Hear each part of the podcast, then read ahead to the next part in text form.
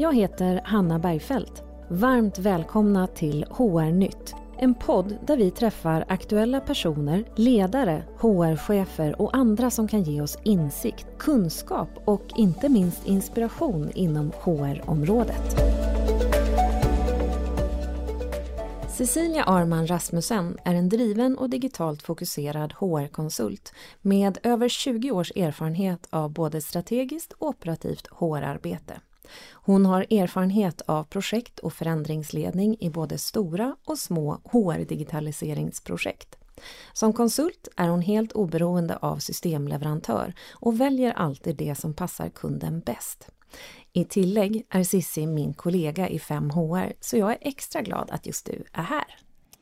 Tack Hanna, jag är jätteglad för att vara här. Det är väldigt roligt att få podda med dig. Ja. Jag brukar bara få lyssna på dig, så nu får jag vara med och prata för en gångs skull. Jag tänker att du ska prata mest. Jaha, du så, tänker så. Så ja. tänker jag, så det är superspännande.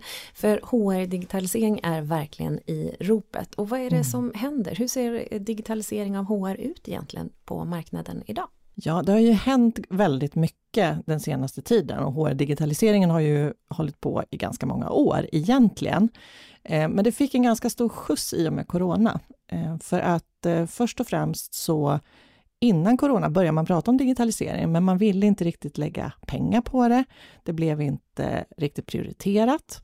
Och sen kom Corona och alla skulle jobba hemifrån och allt det där som inte funkade innan skulle helt plötsligt bara funka. Och efter corona så har man ju också sett att med hybridkontoren och hybriduppsättningar på arbetsplatsen, ja, men då kräver det en helt annan digital uppsättning. Så det har fått ett stort fokus eh, och man arbetar väldigt mycket på HR-avdelningarna med att få till digitaliseringen idag. Spännande. Och när du kommer ut till olika kunder, så där, vad är det för utmaningar som de står inför? Jag upplever att de flesta kunder på HR-avdelningar idag tror att alla andra är väldigt långt före. Alla andra har redan digitaliserat allting, alla andra har koll på läget. Och så är det inte. Utan de flesta står fortfarande och jobbar med grunderna. Det finns väldigt, väldigt stora företag i Sverige idag som fortfarande inte har ett HR-system där de har sin masterdata. Det är väldigt, väldigt många som fortfarande sitter med Excel-ark där man gör sina lönerevisioner, man har koll på sina nyanställda. Så att man, man har mycket grundarbete att göra. Så att oftast så brukar jag få börja med att lugna folk med att ni är inte ensamma om det här. Det är inte ni som ligger efter. Nej men vad bra. Och om man nu skulle vara ett bolag som, som fortfarande jobbar i Excel eller vad det nu kan vara för någonting eh, och inte har någonting på plats och kanske har mm. dåligt självförtroende så som du beskriver. Eh, vad är det första man skulle kunna göra för att liksom snäppa upp en nivå av digitalt eh, system eller vad det nu kan vara för någonting? Vad, vad, hur gör man? Ja, um, där många inte ibland inte har fått igenom att man kanske ska köpa in ett lite större system eller HR-system, så har man köpt in ja, men ett litet system som kan det här och ett litet system som kan det där och så vidare. Så man har oftast en del system och det första man kan göra tycker jag, det är att börja titta på vad kan de här systemen egentligen? De vi faktiskt har. Så börja och gräv lite där ni står och titta på att ja, men det här systemet kanske kan användas på fler sätt. Så vi kanske kan få ihop en ganska bra lösning där vi är. Men jag skulle verkligen rekommendera att man börjar med att titta var är masterdata någonstans och var ska vi ha våran masterdata som, som sen då kan eh, gå vidare till andra system.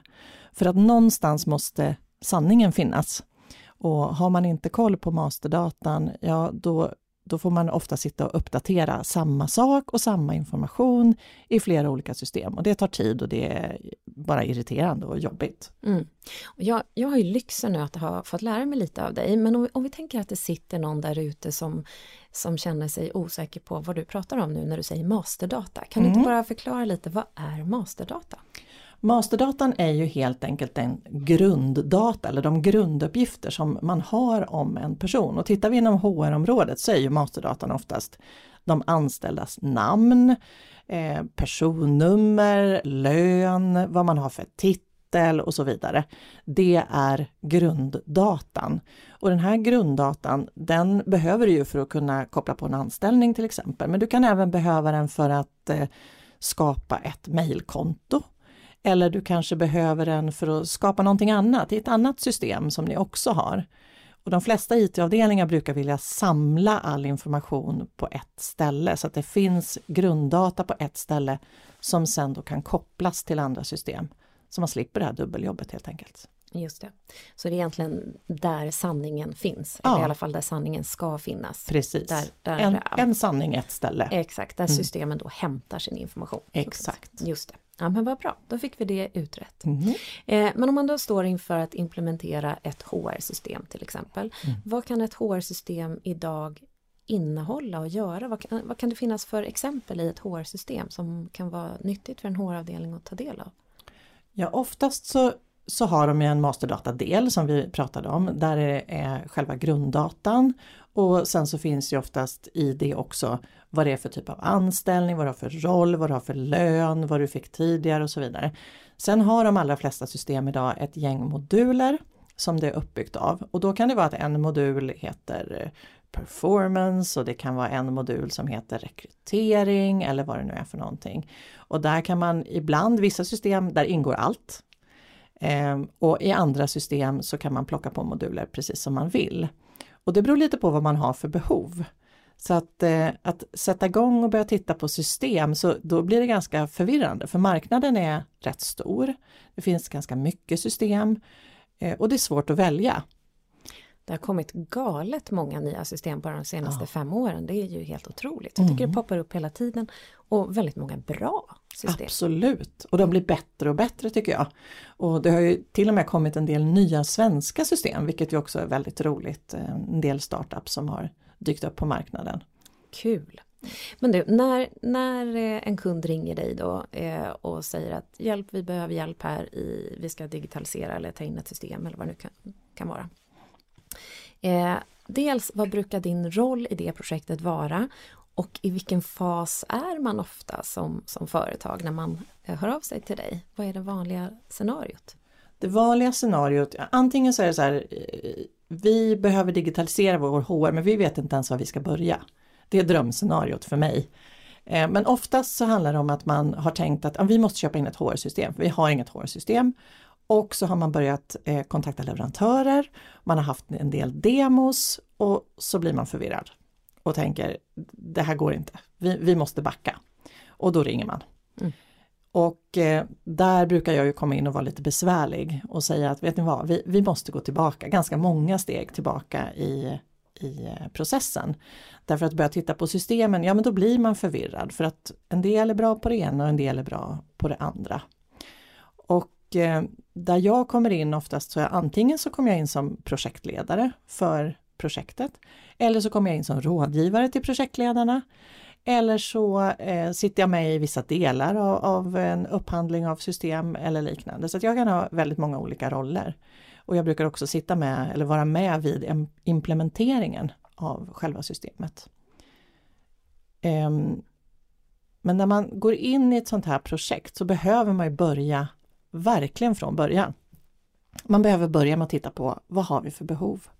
Varför vill vi ha ett HR-system? Vad är det för behov vi försöker lösa? Och vad har vi för processer idag? Så där brukar jag börja. Vad har vi idag? Vad har vi idag? Och du återkommer hela tiden till de här behoven, så jag, mm. jag läser in att det är superviktigt. Eh, att behovet måste egentligen vara klart innan man frågar efter system som ska lösa behovet. Va, vad kan ett exempel på behov vara som, som är vanligt när du är ute hos företag? Det kan ju vara så här att man har ett behov av att vissa processer ska godkännas innan de eh, går igenom. Om vi till exempel säger att vi har en process inför varje anställning som vi gör, ja då måste först eh, chefen då komma på att ja, jag behöver en, en nyanställd och eh, då ska det gå till HR och HR ska godkänna det och sen ska det kanske gå till chefens chef som också ska godkänna det. Det är ett behov vi har för att processen ser ut så hos oss och det, det är så vi vill jobba då kan ju det behovet sen omvandlas till ett krav på ett system. Så det systemet som de behöver då, det är ju ett system som kan hantera ett eh, beslut på, i flera steg i systemet. Och Det är inte alla system som kan det idag. Och skulle man då missa det här, då står man sen när man ska implementera systemet och säger ja, men sen behöver vi att HR ska eh, säga okej okay, och så behöver vi att chefen chef ska säga okej. Okay. Nej, det går inte. Man kan bara ha en godkännare i det här systemet. Och då kanske man tappar ganska mycket eh, av det behovet som man faktiskt har i den här processen. Just det, och där tänker jag att vi kommer tillbaka till din, din roll när du kommer in för att kartlägga behoven. Det blir ju väldigt eh, det blir väldigt viktigt. Hur, mm. hur gör du för att kartlägga de där behoven hos kunden? Ja, där agerar jag ju oftast facilitator just eftersom det är ju kunden som är expert på verksamheten. Jag vet ju inte egentligen vad de har för behov. Jag kan ju gissa mig till vissa vanliga HR-processer eftersom jag jobbat inom HR själv så länge. Men där blir ju kunden verkligen nyckeln och där brukar vi jobba med på olika sätt. Vi brukar jobba i olika workshops för att titta på alla deras processer, hur ser de ut? Och verkligen ner i detalj. Och där utmanar vi också processen och säger ja, ni säger att ni gör så här idag. Behöver ni verkligen göra det? Eh, hur skulle ni kunna göra istället? Om ni fick önska, hur skulle det se ut då? Och sen så tittar vi också på de system de har idag som jag, som jag sa tidigare, att vi tittar på men vad har ni egentligen då? Hur ser det ut? Vad, är det någonting vi kan använda här så att vi inte går ut och upphandlar någonting helt i onödan? Och sen ser jag också till att vi pratar med olika stakeholders. Det kan ju vara till exempel ledningsgruppen som behöver ha ett finger med i spelet. Man kan prata med eh, ekonomichefer, ekonomiavdelningen, controllers, IT och så vidare. För det kan ju också finnas en strategi för bolaget att man ska någonstans. Och det påverkar kanske också då hur behoven ser ut. Om man ska växa väldigt mycket till exempel, då behöver man ju också system som kan hantera det. Jag förstår och jag eh, tänker att det, när det finns så många olika stakeholders som mm. det verkligen gör eh, så kan det finnas olika förväntningar på, på systemet. Det kan mm. finnas olika viljor eller mm. preferenser. Mm. Vad, eh, finns det vanliga sådana där skav som, som du har mött? Ja, och ofta så handlar det om att man eh, har kanske en förväntan på ett system som inte alltid är realistisk. Därför att eh, ekonomi kanske vill att det här systemet, ja men vad bra om ni tar in ett system, då kanske det också kan lösa det här och det här och det här problemet. Och där brukar jag få hjälpa till att sätta gränser för projektet. Eh, och också tala om vad är normalt för att ett HR-system faktiskt kan klara av. Så att inte projektet och scopet växer alldeles för mycket. De här avgränsningarna är otroligt viktiga. Att säga att ja, men det där har vi med i det här projektet men inte det där. Det behöver lösas i ekonomisystemet eller det behöver lösas i, i något annat system. För det är inte rimligt att tro att, att HR-systemet ska göra det. Nej. Och, och, projekt kan ju verkligen växa. Jag tänker i, i, eh, en del av dina kunder vet jag är ju jättestora bolag till exempel. Mm. Går du in och, och, löser allt det där själv som projektledare eller hur ser liksom uppsättningen ut kring ja, ett sådant uppdrag? Eh, nej, det gör jag ju inte utan eh, ofta så har ju en projektgrupp hos eh, företaget och ofta så har jag också ett team där vi jobbar tillsammans. Där vi är ett gäng konsulter som har stor erfarenhet, där vi jobbar tillsammans i uppdragen. För att det skapar mindre sårbarhet om man har olika kompetenser. Så att ett team är oftast bättre när man går in och jobbar i den här, speciellt om det är stora företag. Just det. det finns en otroligt stor komplexitet. Kan du, kan du beskriva något sånt där best practice när det har gått riktigt bra hos någon kund och vad var det som gjorde att det blev så lyckat? Du behöver kanske inte nämna kunden i fråga om du inte är bekväm med det men, men beskriv någon gång där det faktiskt blivit riktigt bra. Ja, eh, jag tycker ju att det är så härligt när man går in i projekt och, och sen så, ja det är ju inte härligt när man märker att det finns motsättningar men, men när man liksom kan vända de här motsättningarna och, och eh, genom projektet och genom diskussioner. Jag hade en kund där vi eh, jobbade nordiskt där man då hade olika system över hela Norden och helt plötsligt skulle man köpa in ett gemensamt HR-system. Och eh, det här blev en ganska stor utmaning. Dels så har vi olika lagar och regler i olika länder, eh, men det går ju oftast att lösa med de lite mer komplexa systemen. Men eh, där hade vi ett land som, som höll väldigt mycket fast vid att det systemet de hade var jätte, jättebra. Och eh, där fick vi ju gå tillbaka och titta på ja, Men okej, okay, då, då tar vi och tittar på det här systemet som är så jätte, jättebra och sen så plockar vi med oss de bitarna som är så bra till det här projektet också så att vi får med alla behov. Och när vi då började genomlysa det här systemet och började prata om det och kunde också säga att ja, okej, det där är ju bra, men med ett annat system skulle ni kunna få det här och det här också. Så började man också inse till slut att, ja, finns det system som kan göra det också? Och då lossnade det. Och då var alla helt plötsligt med på banan att, ja men okej, om, om ni säger att det här kan lösas, då, då vill vi också vara med i det här projektet. Och ofta tycker jag att de här motsättningarna handlar om det. Man vet inte ens vad man kan be om. Man har inte rätt förväntningar på ett system. Man vet inte ens att det finns där ute. Att man ska kunna få hjälp med de här sakerna. Så att det, det var ju ett fantastiskt bra eh, exempel och jag sitter bara med mitt lilla lilla huvud här och tänker eh, när du pratar om nordiska bolag så tänker jag vilket land var det som satte hälarna i backen och så skulle jag vilja gissa men jag tänker inte göra det för det blir så, det blir så fult. Men när vi har stängt av inspelningen här så kanske jag kommer gissa vilket land det var eftersom jag jobbat väldigt mycket i nordiska organisationer. Absolut. Okej, okay, men det var, det var ett jättebra eh, best practice eh, Cissi. Finns det andra vanliga eh, utmaningar som du möter och eh, vad, är, vad, är det liksom som är den vanligaste frågan när du kommer ut i mm. nya projekt? Den allra, allra vanligaste frågan är vilket system är bäst? Ja, men det vill jag också veta. Ja. Vilket system är bäst? Eller hur? Tänk ja. om jag kunde avslöja det. Vilket ja. system är bäst? Det är det här ni ska ha allihopa. Nej, nej, men det går ju inte. Det är ju helt omöjligt. Det är precis som att fråga det här klassiska, hur långt är ett snöre? Mm hur långt behöver du? Och eh, frågan är inte lika eh, vanlig idag, men, men jag har fått den väldigt mycket. Vilket system? Vi är så här stora. Vilket system ska vi ha?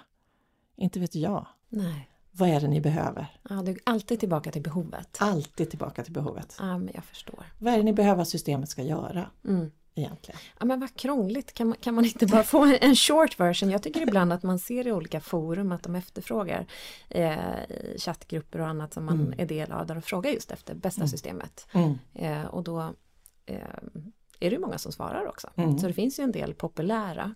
oh ja, det gör det absolut. Mm. Men just det där skulle jag egentligen det är klart att man ska titta runt och man ska prata med kollegor i branschen och så vidare men, men jag skulle vilja varna lite för att, att gå på det, att välja det som, ja men det här bolaget de, de är ju lite lika oss och de är jättenöjda med det här systemet så det kör vi på också. Det är inte säkert att deras processer och så faktiskt ser likadana ut som er. Ni kanske har lite andra behov. Så att gå inte bara på det utan titta på ert eget eh, också. Och ibland så är det ju så att, ja men ofta så går jag ju in och, och hjälper relativt stora företag eller de som har en 200-300 anställda.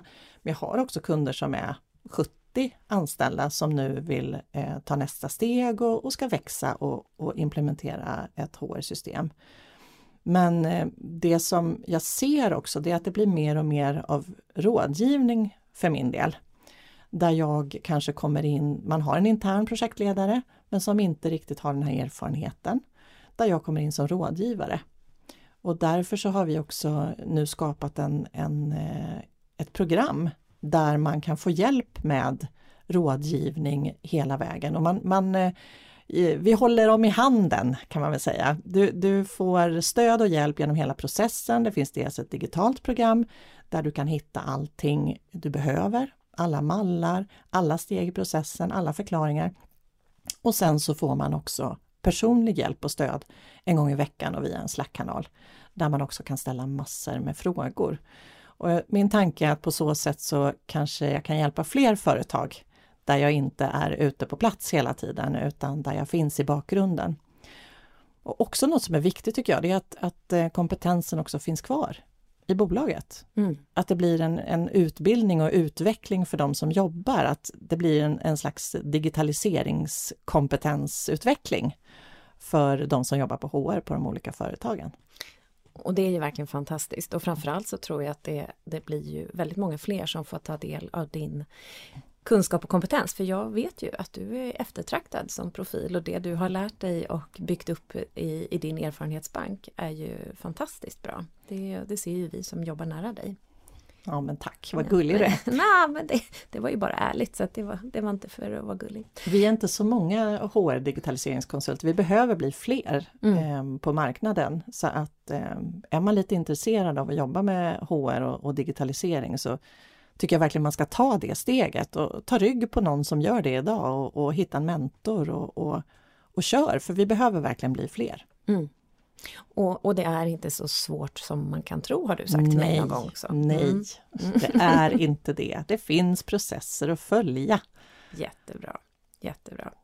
Men, men eh, Cissi, har det alltid varit lätt, har det alltid gått som ett bananskal för dig då? Eller finns det misstag som du har gjort genom din karriär som du vågar dela med dig av? Och vad är i så fall det?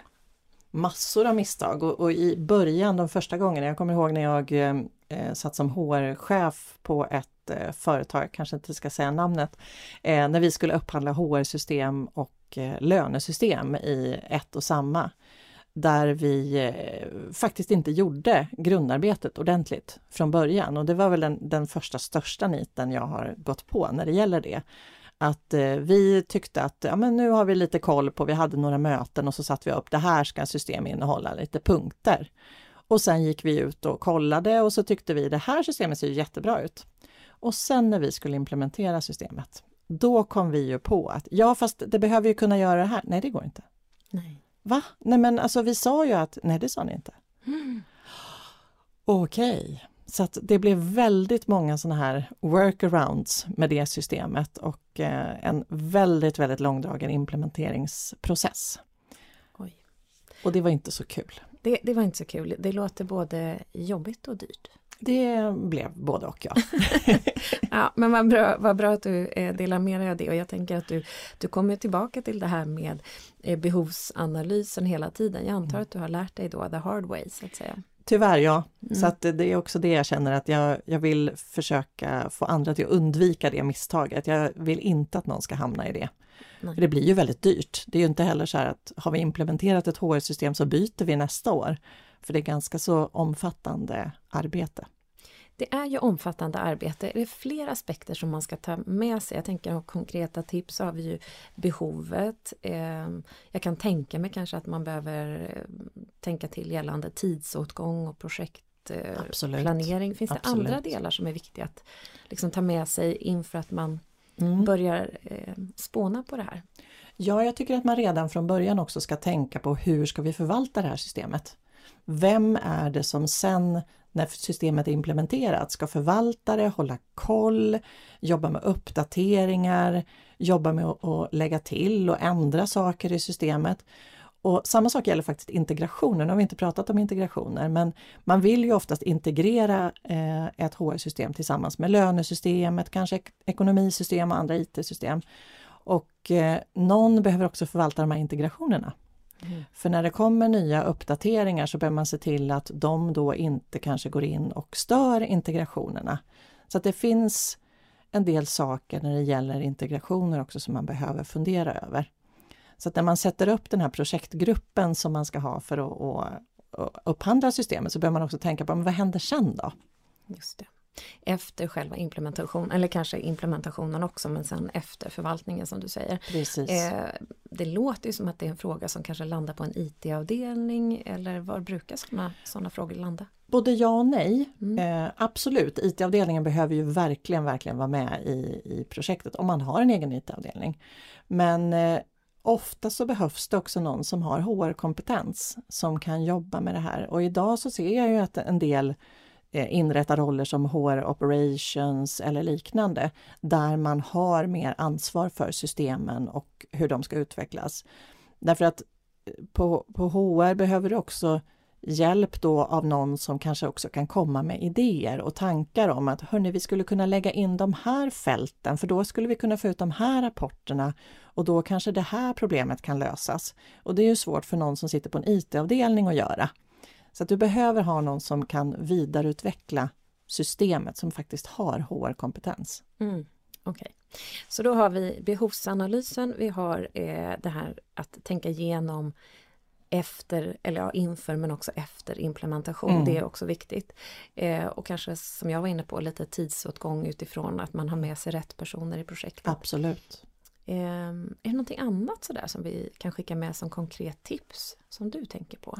Ja, men jag, jag tänker att um, när man går ifrån den här behovsanalysen så behöver man ju skapa en ganska um, detaljerad kravprofil eller kravspecifikation som man sen då kan använda med leverantörerna. Så att det är väl också ett tips att inte hoppa över den delen. När du har behoven så är det inte säkert att skulle du skicka era behov bara rakt av till en leverantör så är det inte säkert att de tolkar det på samma sätt som ni gör. Så att behoven behöver översättas till olika krav. Som till exempel att ja, men nu ser processen ut så här, eller vi behöver att någon kan göra så här, vilket betyder att systemet måste kunna A, B och C. Då först kan leverantören svara på att ja, systemet kan A, B och C och så får man inte de här tråkiga överraskningarna till exempel. Det låter, det låter ju väldigt eh, viktigt och bra. Måste det vara sån här komplex då IT-svenska eller IT-engelska när man skriver, när man pratar om krav? Nej, det behöver inte. De funktionella kraven som ju är mer så här, systemet behöver kunna göra så här och så här i våran process. Eh, de kan vara väldigt eh, icke-IT-mässiga om vi säger så. Men däremot så behöver man ju också kunna ställa andra krav, till exempel GDPR. Man behöver kunna ställa krav på hur systemet är uppbyggt eller vilka säkerhetslösningar eh, som är inbyggda i systemet och där behöver ju IT vara med och kanske också en, en juridisk avdelning för att ställa de krav som krävs för, för just er organisation. Men, men övriga krav kan vara väldigt enkelt beskrivna, de behöver bara vara väldigt tydliga. Men man behöver inte heller kanske sätta ner varje del. Om man tänker sig till exempel att vi säger att vi behöver kunna lägga till fält själva i systemet och de här fälten behöver kunna eh, vara med i en rapport som man kan dra ut och vi behöver kunna välja vilka fält som ska vara med i rapporten. Det räcker ju som krav. Då behöver man inte tala om att vi behöver kunna lägga till ett fält med eh, allergier och vi behöver kunna lägga till ett fält med, utan då kan man samla det på det sättet. Mm. Att, eh, men det blir ganska detaljerat. Det, det, låter detaljerat och det finns ju risk att man sitter och känner men gud det här mäktar jag inte med eller sådär. Vad kan motivatorn vara för att ändå liksom gå in i ett sånt här projekt? Vad, vad är målbilden? Vad kan man vinna på att faktiskt eh, göra den här typen av omställning till en mer digital värld? Ja, du tänker i slutändan när man väl ja. har implementerat systemet. Mm. Ja, för det första så det de allra, allra flesta tittar på det är ju att du kommer att kunna plocka bort väldigt, väldigt mycket administrativt arbete.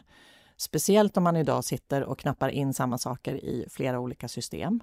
Du kommer att kunna automatisera väldigt mycket och du kommer också kunna hjälpa till att medarbetare och chefer som kan komma in i systemet själv och hitta information. Det gör ju att det underlättar väldigt mycket för HR.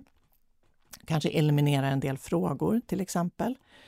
Plus att det kan ju öka engagemanget ehm, och eh, diskussioner mellan chef och medarbetare som du också kan få via systemet. Ja, det finns, vi, vi, kan göra en hel lång lista. Det finns otroligt mycket värde i att, eh, att implementera ett system om man använder det på rätt sätt, mm. vill säga. Och om man också utnyttjar alla de kapaciteter som systemet har.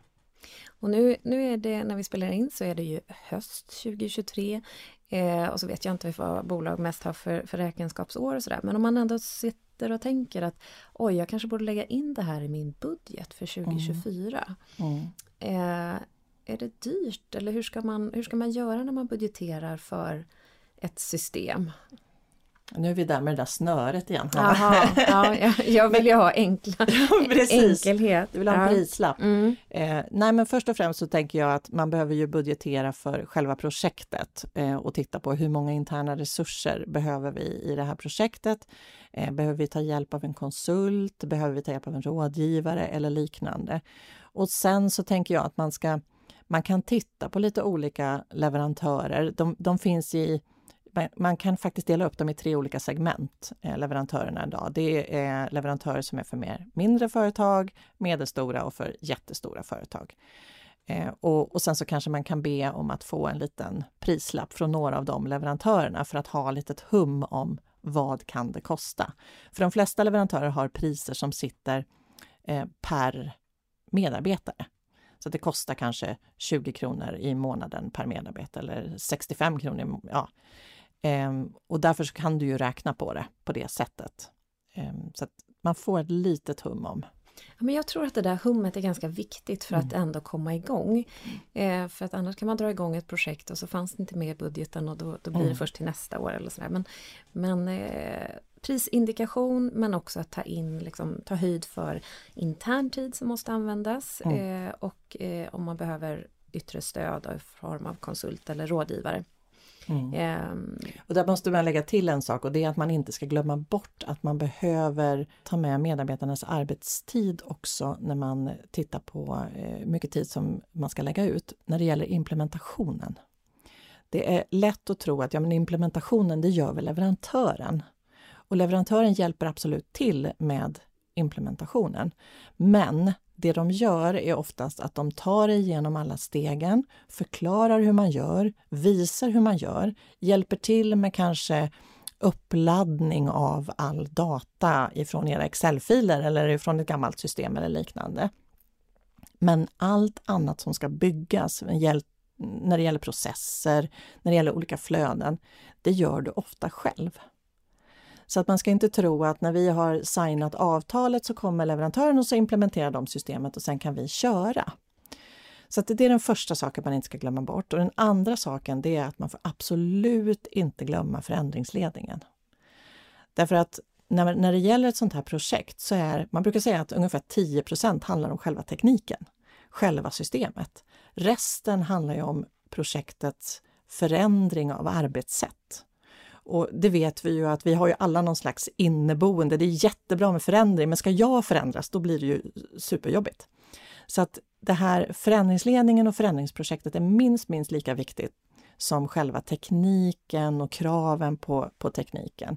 Så att jobba mycket med kommunikationen kring projektet och hur vi ska få alla våra medarbetare tycker att det här känns spännande och roligt och faktiskt vilja jobba i systemet sen. Just det, lite förväntansstyrning tänker jag också. För det, det, är så lätt, eller i alla fall har jag varit med om att man har gått ut och bara berättat att nu kommer Alltså nu kommer den här skänken från ovan som vi har mm. väntat på. Nu kommer livet bli fantastiskt och ja. vi kommer ha glass och ballonger på jobbet varenda dag mm. bara vi får det här mm. systemet mm. på plats.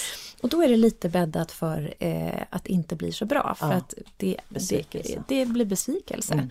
För att man kanske får lite knackigt i början och man måste köra in sig, man måste också lära sig någonting nytt vilket kan vara precis. lite jobbigt. Precis. Eh, det, är, det är lätt, precis som du säger, att mm. tycka att förändring är härligt och så är det inte alltid jättekul att lära om. Precis precis. Eh, sätta förväntansbilden och tala om att det här nya systemet, det kommer du att kunna göra här. Och, och tänka på att ta det utifrån, inte systemet kan göra det här och det här och det här, utan vad innebär det för medarbetaren? Vad innebär det för chefen?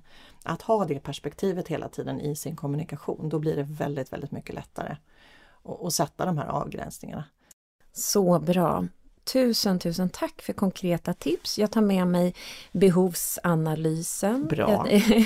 att, eh, nu pratade vi också om förändringsledning, att tänka på det. Vi pratade om att tänka till på hela projektet, både med stakeholders, eh, så att man har med sig dem, men också mm. titta på både eh, inför under och efter implementationsfasen så att mm. man inte glömmer de delarna. Precis. Var det någonting annat nu som jag missade? Det var säkert eh, massa Jag tror inte det. Nej.